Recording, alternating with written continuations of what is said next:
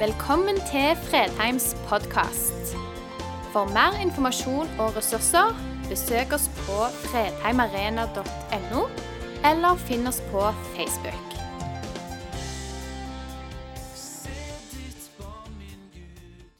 Det er ikke lite at den samme kraft som reiste Jesus opp fra de døde, er virksom i hans kirke, i hans legeme, i oss som tror på Han. Den søndagsteksten vi skal bruke i dag, det er en av lesetekstene denne søndagen. og Den finner vi i Jesajas 49, vers 13-16 i Jesu navn. Og Nå skal jeg gjøre noe jeg veldig sjelden pleier å gjøre. Jeg skal stoppe midt i teksten, eller helt i begynnelsen av teksten, for jeg ble så begeistra av innledningen til denne teksten. Juble, du himmel, og gled deg, du jord. Bryt ut i jubel, dere fjell. Hva, hva tenker du når du hører noe sånt? Fjellene, jorden, skaperverket. Profeten har fått et budskap som er så godt, som er så berikende, som er så spennende, at han sier til naturen ja, om ikke folk reagerer, må i alle fall dere reagere. Om ikke folk sier halleluja, så kommer fjellene til å hoppe og danse. Det er ganske spesielt. Altså, Selve skaperverket dras inn i denne teksten og sier nå, fjell, nå må dere juble. Nå, jord, må du juble, for det kommer et budskap som er verdt å juble for. Og Da kan du lure hva i alle dager kommer da? Og Det rare er at allerede i kapittel 1 i Jesajas så begynner han i det andre verset å si Lytt du himmel, og lytt du jord, for Herren taler. Altså Når Jesajas kommer med et budskap, så sier han til hele skaperverket nå er det på tide å lytte. Men nå er det ikke bare på tide å lytte. I kapittel 49 er det på tide å juble. Så la oss lese. For Herren trøster sitt folk og er barmhjertig mot sine hjelpeløse. Sion sier, 'Herren har forlatt meg, Herren har glemt meg.' Kan en kvinne glemme sitt diende barn, en omsorgsfull mor, det barnet hun bar? Selv om de skulle glemme, skal jeg ikke glemme deg. Se, jeg har tegnet deg i mine hender. Mine murer står alltid foran meg. Det er ikke rart at fjellene og jorden skal juble, for Herren kommer med trøst til sine hjelpeløse.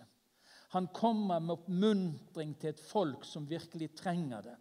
Og La oss be om det, at vi òg tar imot det som hans hjelpeløse. For det er de hjelpeløse som tar imot. De som klarer seg sjøl, klarer seg sjøl.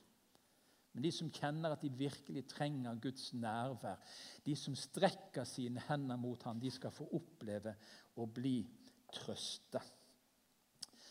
Profeten Jesaja han kunne ha sett sånn ut eller helt annerledes. Det er ikke så lett å vite. Han virka i Sørriket, Juda, i ca. fra 740 til ca. 700 før Kristus. Han virka i, under fire ulike konger, i en av de lengste profetperiodene. 66 eh, kapitler har vi fra hans hånd av det han opplevde Gud talte til han. Og så er det mange som spør Det må jo ha vært mange Jesajaser. For det han skriver om, spenner seg over hundrevis av år. Og den teksten som vi skal, har lest nå, den gjelder framtiden. Flere hundre år etter at han levde, skulle dette skje. At israelsfolket skulle få vende tilbake igjen. Så derfor er det mange som sier at det er både én og to og tre og fire og fem Jesajaser. Og La ikke det være noen stor sak. Jeg tror Gud er i stand til å legge et profetisk ord i sine profeter, om det er en eller flere, som gjelder både for nåtid og framtid. Så Jesajas han fikk et budskap som òg gjaldt for framtiden. Og så er det inn i en tid inn i en sammenheng hvor det er godt for oss å kjenne litt til den sammenhengen. Israel var delt i to riker. Nordriket, tistammeriket, og Sørriket, Juda, to stammer. De ble delt i ca. år 930 før Kristus. Og allerede i år 722 før Kristus så ble Nordriket, de ti stammene, spredt for alle vinder pga. ulydighet mot Herren. Pga. opprør mot Guds gode ordninger, Guds gode vilje, så ble altså folket spredt for alle vinder for ikke å samles igjen. Og Så har vi kommet inn i vår tekst. I år 587 før Kristus så blir Jerusalem hærtatt og brent til grunne. Folket blir bortført til Babel, til Babylon. Og Dere har gjerne hørt den sangen 'By the Rivers of Babylon'. Jeg tror den var en sånn Grand Prix-sang i min ungdom for mange mange år siden. Men altså, det var Israelsfolket ble bortført, og Juda ga etter for avgudsdyrkelsen og opplevde det som Gud hadde sagt. Hvis dere er lydige, så skal dere blomstre. Så skal landet bære frukt, og dere skal være under velsignelse. Men begynner dere å følge de andre gudene, som ikke er guder, men som folkene rundt dere tilber, så vil det få konsekvenser. Og så har folket grått. I rundt 50 år satt de ved Babylons elver og gråt. Og så fikk de et løfte om at de skal få lov å komme tilbake igjen. I dag er det bare to punkter. Jeg sa det til noen før gudstjenesten. og Da var det rett før de sa halleluja, for da gikk det kortere. Eh, men jeg sa det kan jo komme tredje punkt underveis. For vanligvis for dere som ikke er så ofte, så er det som regel tre punkt. Men i dag så er det altså bare to punkt en forandring. Hva er det denne profeten Jesajas får for et budskap? Og Vi begynner i kapittel 6 uten å gå inn i tekstene så nøye. Det begynner med et møte med den levende, hellige Gud. Det begynner med en profet som ser seg urein og uskikka, ubrukelig. Men så skjer det under at leppene hans blir rensa. I Guds nærhet så skjer det noe. Og så kommer det et spørsmål fra tronen fra himmelen. Hvem skal jeg sende? Hvem vil gå til mitt folk med et budskap? Hvem vil være min munn inn i denne tiden og forkynne for mitt folk? Og så sier Jesaja, som før hadde vært så skjelvende redd og sett på seg sjøl uverdig Jeg, send meg. Og For oss som er født sånn på før 60-tallet eller før 70-tallet, husker dere den? 'Jesus, her er jeg. Send meg.' Vi sang den på ungdomsmøter, og det var liksom så ikke beina var nede i bakken alltid. Jeg vil leve mitt liv i tjeneste for deg, Jesus. Her er jeg, send meg. Når vi møter Gud, folk, når Gud får røre ved oss, når Han får rense våre lepper, når Han får lov å gi oss sin frimodighet, den vi ikke har i oss sjøl, så kan vi òg si sånn som profeten, send meg. Og Så fikk han et dobbelt budskap. Han fikk to forskjellige ting som han skulle konsentrere seg om. Han skulle forkynne til omvendelse, og han skulle forkynne trøst. Og La oss bare kikke litt på det før vi går inn i selve teksten. I en kommentar så leste jeg dette. Jesaja refser et folk som nylig har erfart oppgangstider, men som allikevel tillater økende ulikheter mellom mennesker og lar de mektige undertrykke småkårsfolk. Han tar også til motmæle mot en overflatisk religiøsitet hvor det ikke er samsvar mellom religiøse handlinger og levd liv. Er det aktuelt?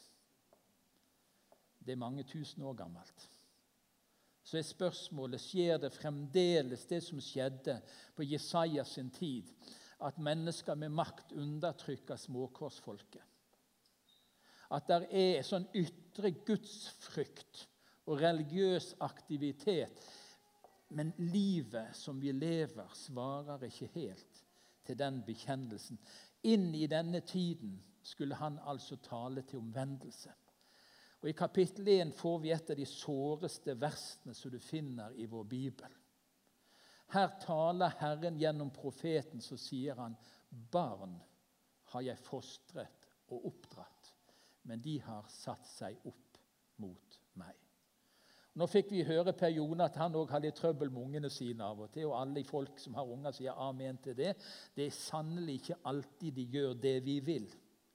Men tenk deg at himmelens og jordens skaper står der, og så sier han Han bretter ut hjertet. Han lar oss få del i sin smerte. Så sier han, 'Barna mine, folket mitt, som jeg har oppdratt, som jeg har fostra, de har satt seg opp imot meg.' Og Litt lenger ute i samme kapittel 1 så er det som Gud bare roper ut til dette folket Kom. La oss gjøre opp vår sak. Vend om. Ikke lev sånn i opprør. Ikke lev med ryggen til meg.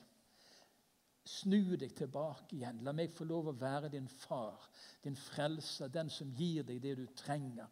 Og så dette, går dette gjennom profeten Jesaja-boken. Han kaller til oppgjør, han kaller til omvendelse. Gud vil ha sitt folk tilbake igjen. Og så taler han trøst. Hele 15 kapittel, kapittel 40-55 i Isaiah-boken har fått navnet Trøsteboken. Og Vi var altså i kapittel 49, så vi leste ifra Trøsteboken hos profeten Jesaja. Det omhandler hendelser som ligger foran i tid for folket, både nasjonalt og Der finner du også kapittel 53 den lidende Messias, han som ble såra, eh, som ble korsfesta for vår skyld. Profeten fikk et fantastisk budskap. Men allerede i kapittel 1 så hører vi Guds gode røst når han lover folket hvis dere vender om, så skal jeg rense dere. All synd skal slettes ut. Dere skal bli rene igjen. Og dere skal få del i alle godene. Og Den teksten som vi har lest, bruker sterke ord, kan en diende mor glemme sine barn. I begge mine hender har jeg tegna deg. Dine murer står alltid for Han henter fram noen sånne relasjonsbilder som er noe av det nærmeste. og liksom sånn, Vi kjenner det, vi ser det for oss.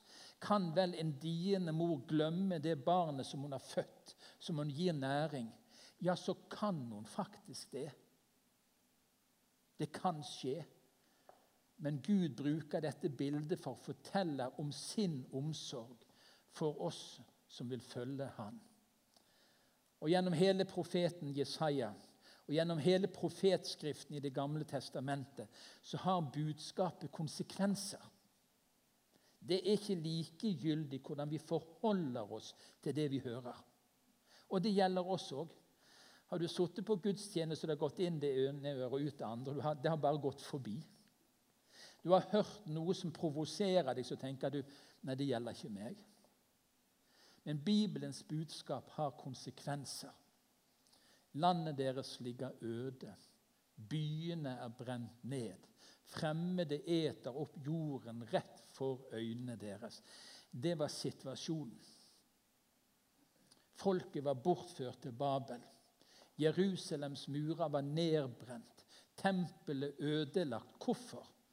Fordi de ikke lytta, fordi de ikke hørte, fordi de ikke handla etter det ordet som kom fra Herren. Men så kommer der i verset som vi ikke vi leste, i vers 17 i vår, etter vår tekst De som skal bygge deg, kommer løpende. De som lar deg i uriner og grus, drar bort fra deg. Og det, det kunne nesten vært en egen preken. Når Gud vil trøste, når Gud vil gjenoppbygge, når Gud får lov å slippe til, da kommer han løpende. ikke det et fint bilde? De som ødela, de drar bort. De lusker, tusker seg av gårde. Stilt og rolig.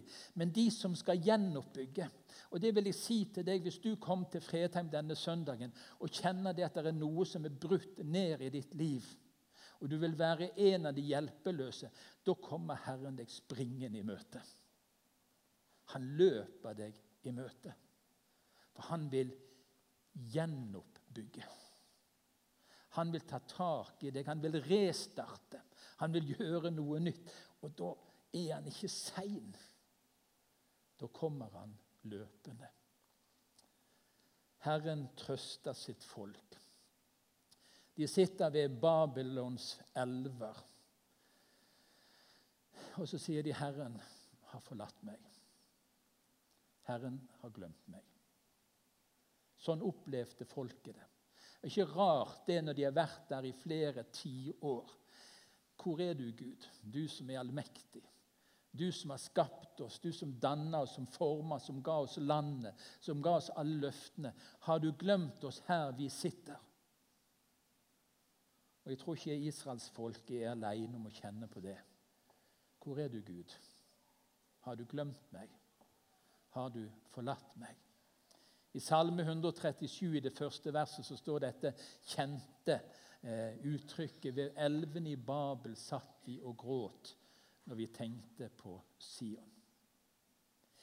Egentlig så hadde de det ganske bra. De ble bortført fra sitt kjente og kjære landområde, fra byen, fra tempelet, fra gudstjenesten. Men de fikk lov å bygge og bo. De fikk lov å gifte seg, ta til ekte, de fikk lov å få barn, de fikk lov å ha et yrke. De hadde det på mange måter bra, men det var noe de savna. Og Jeg tror det er et så godt bilde på hvordan livet òg er for oss. Vi har det jo egentlig ganske godt, har vi ikke det? Til og med i en pandemi så har Norge hatt det bedre enn de fleste land i denne verden. Det er sannheten. Det er sannheten. Men det er noe vi savner. Det er noe vi har gått glipp av. Det er noe vi har mista. Og jeg håper at du savner det å komme sammen i Guds hus, i fellesskapet rundt si, nattverdbordet. I fellesskapet hvor vi kan dele vitnesbyrdet, be for og med hverandre. At du savner det, for du, selv om du har det godt. Og jeg må si, I denne pandemien har jeg hatt én bønn som jeg har bedt mer enn andre bønner. Gud, Vekk opp folket vårt. Denne tiden som vi har gjennomlevd, kunne vi få se hvor små vi er. Kunne vi se hvor hjelpeløse vi er midt i vår velstand. Midt i alt det gode vi har, på tross av en sånn ytre situasjon. Gud, kunne du vekke Norge? Et usynlig lite virus har satt verden si, ut av funksjon. Og Det er ikke vårt grunnleggende problem. Men vårt grunnleggende problem er et virus vi bærer inni oss. At vi har vendt ryggen mot Gud. Tenk om denne tiden kunne vekke folket vårt tilbake igjen. At de kunne gråte og kjenne på et savn over noe som mangler midt i vår velstand. Det kan høres litt rart ut å snakke om selvforskyldt Eh, utfordringer og problemer. Men jeg må bare ta det med i en liten parentes. Det bildet er en vekkelsesevangelist Norden har knapt sett make til Frank Mangs. Han var svensk, sto i store vekkelser i Norge, i Oslo. Eh, han har eh, skrevet et hav med bøker. Og I en av bøkene hans som jeg leste for mange mange, mange år siden, 'Helbredelse og åndelig liv', så forteller han om predikanter og pastorer som kommer til han og ber om at han må be for dem til helbredelse. Og Så spør han de, ja, hva er det som på? Jo, de har vondt i nakke og skuldre, og de er slitne og utslitt, og de har mista kreften og overskuddet. Så spør han ja, hvor mye jobber dere. Syv dager i uken, sier de. Hele, hver, hver, dag jobber vi. Morgen og kveld. Det er møter på formiddag og det er møter på kveld, for vi skal jo vinne verden for Jesus. Så ser han på dem. 'Jeg kommer ikke til å be deg for deg', sa han. 'Du får komme tilbake igjen når du begynner å feire søndagen' 'og ta en hviledag og holde den hellig'. Det høres jo litt dramatisk ut. Men det han egentlig sier, det er du kan ikke bryte Guds gode ordninger og regne med å leve under Guds velsignelse. Det er sunn åndelighet han framfører. Det er noe med oss hvor vi bevisst eller ubevisst stiller våre liv på en sånn måte at vi sjøl påfører oss skade. Og hva er det da vi må gjøre? Nei, da må vi be om omvendelse. Da ber vi ikke om helbredelse. Da ber vi om omvendelse. Da vil vi tilbake igjen til Guds gode ordninger og få ordne opp i det som har vært ødeleggende. Men det er ikke dette som er hovedpoenget. Hjemme hos oss har vi fått et nytt uttrykk de siste årene. Vi ser på hverandre, Bente og meg, så sier vi 'livet'. Livet. Dess eldre vi har blitt, dess flere mennesker vi har si, er glad i og bryr oss om, dess oftere opplever vi livet.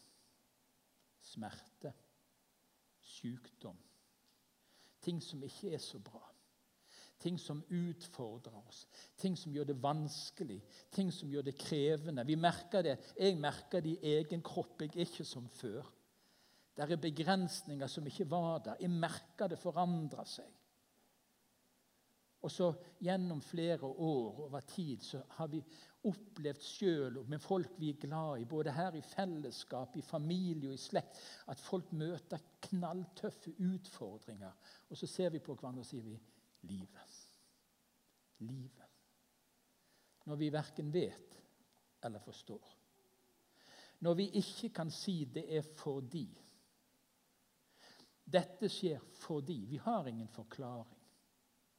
Og Da utfordres mange av oss på selve vårt gudsbilde. Om vårt gudsbilde rommer alt det livet bærer med seg. Jeg vet ikke hvor mange Vi har hatt en håndsopprekning bare for å trene oss litt på håndsopprekning. Dere skal slippe det. Hvor mange hadde et sånt bilde på barnerommet hvor du, et barn som gikk ut på en kant, og så var det liksom en engel som sto og passet på? Dere har sett de bildene, sant? Det var liksom sånn det bildet vi hadde av Gud, at det kan ikke gå galt. Det kan ikke ramme oss noe, det kan ikke skje oss noe, for vi, vi har en engel. Og Jeg har sunget det for mine barnebarn i mange år. Jeg har en engel som følger meg. Sant? Hver dag, om jeg sitter eller står, om jeg løper eller går. Jeg har en engel som følger meg. Og det tror jeg. Jeg tror det helt og fullt. Og likevel så rammer ting oss i livet som vi ikke forstår, og vi føler ikke at det er fortjent. Og vi blir undrende Gud, hvor er du? Vi sitter ikke bokstavelig med en elvekant og gråter, men livet går ikke i hop for oss alltid. Det var En som sa det at det å bli en kristen det hadde han ikke lyst til, for han hadde nok problemer fra før. sa han. Det er liksom er ikke løsningen på alle ting i livet å ta imot Jesus. Det gjør ikke at alt blir bare medgang og velstand og gode dager. Livet. Kan en kvinne glemme sitt dine barn? Så kommer Gud gjennom profeten, og så henter han fram et bilde. Det nesten utenkelige. Det mest utenkelige det er når en diende mor som har født det lille barnet, hun kan ikke glemme det. Og så hører folk et budskap. Tenk, Gud bruker det bildet. Jo, men vi mennesker er ikke fullkomne. Du har blitt skuffa av mennesker. Du har blitt skuffa av mennesker som har lovt å gå ved din side i gode og onde dager. Du er blitt såra av kristne ledere, du er blitt såra av kristne brødre og søstre som ikke holdt det de lovte. Vi er ikke fullkomne. Men Gud sier at sjøl om Sjøl om de skulle glemme, skal jeg ikke glemme. Selv om vi mennesker kan glemme, så vil ikke Gud glemme deg. Du har ikke vært glemt gjennom dette halvannet året. Du har ikke vært glemt et øyeblikk, du som har slitt med smerter i ti år.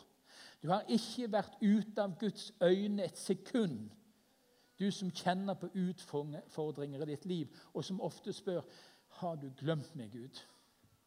Eller enda verre har du forlatt meg, Gud. Gud er ikke som mennesker at han glemmer. Gud er der. Av og til skulle vi ønske at han var synligere til stede. Av og til skulle vi ønske at han viste seg tydeligere. Men hele dette trøstebudskapet sier 'Jeg glemmer deg ikke. Jeg forlater deg ikke'. Og så kommer et av de sterkeste bildene som vi finner i Skriften. Se, jeg har tegnet deg i mine hender, skriver profeten Jesaja. 700 år før Kristus så ser profeten en dag så skal Gud sjøl naglemerkes. En dag skal Gud bevise sin kjærlighet på en så synlig og håndgripelig måte at han for alltid vil bære meg synlig på sin egen kropp. Er ikke det flott? Du er tegna i naglemerka hender. Gud kan ikke glemme deg et sekund, for han ble spikra på et kors for dine synder, for din skyld, for din skam. Og han bærer deg på sin kropp. Gud kan ikke glemme. Og det er ikke rart at profeten sa nå jord, nå må du juble. Nå himmel, nå må du juble. Nå fjell må dere danse.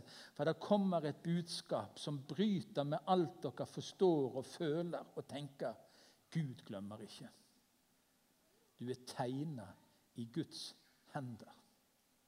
Du i dag er tegna i Guds hender. Og så begynte teksten vår. For Herren trøster sitt folk, og han er barmhjertig mot sine hjelpeløse. Vårt hovedproblem er aldri vår hjelpeløshet. Vårt hovedproblem er at vi liker å klare oss sjøl. Gud står de stolte imot, står der, men de ydmyke gir han nåde. Jeg vet jo hvordan du har det, hvordan du kom til Fredheim i dag. Strutten av liv og overskudd. Eller kjenner på det Gud, hvor er du henne? Det beste utgangspunktet for Gud i et menneske sitt liv, det er vår hjelpeløshet. Det er vår litenhet. Det er vår avhengighet av Han. Og Hvis du skulle ha vært, liksom, han, gitt et lite vitnesbyrd Hvor mange ganger i ditt liv har ikke du visst at du burde søke hjelp, men du var for stolt til å gjøre det? Det var et eller annet i deg som holdt igjen. Du vil ikke miste masken. Du vil ikke ydmyke deg. Og så slipper ikke Gud til. Så lar du ikke Han få lov å komme inn. Kast masken, folk. Kast masken, folk. Si det. Gud, jeg sitter her med Babylons elver, og jeg lurer på hvor du er. Har du forlatt meg? Har du glemt meg? Jeg er desperat avhengig av at du kommer til meg. Jeg klarer meg ikke uten. Og så skal vi få oppleve at Gud velsigner oss og bruker oss, men det er en helt annen sak. Men inngangssteget, utgangspunktet, den beste plassen å møte Gud-folk, det er i vår hjelpeløshet. Og så lyder, klinger det fra fra Korinterbrevet når Paulus sier for når jeg er svak, da er jeg sterk. Når jeg er gudsavhengig, da er jeg sterk. Det er da Gud kan få bruke deg. Det er da Gud kan få bruke meg. Han trenger ikke vår styrkefolk. Han er sterk nok. Han trenger ikke vår storhet. Han er stor nok. Han trenger vår hjelpeløshet. Og de hjelper hjelpeløse. Han er barmhjertig mot sine hjelpeløse. Jeg lurte på om vi skulle avslutte i himmelen i dag og lese fra Johannes' åpenbaring. Men vi går innom Jesajas 53, så skal du få en sangstrofe til slutt. Men han ble såret for våre lovbrudd, dine. Knust for våre synder, dine og mine. Straffen lå på ham vi fikk fred. Ved hans sår ble vi helbredet. Jeg vet ikke hvor ofte jeg ber for mennesker i ulike situasjoner at det bibelverset kommer for meg om å få den fred som overgår all forstand, som kan bevare både vårt hjerte og vår tanke i Kristus Jesus. Det er en god fred. Midt i all uro, midt i en verden som skifter mellom glede og sorg og det fantastiske og det ubegripelige, så går det an å eie en fred som overgår all forstand. Always remember that your present situation is not final destination. The best is yet to come. Det var så vidt jeg klarte å lese det. En kristen har alltid det beste i vente, vet du det? Har du tatt imot Jesus, så har du alltid det beste i vente.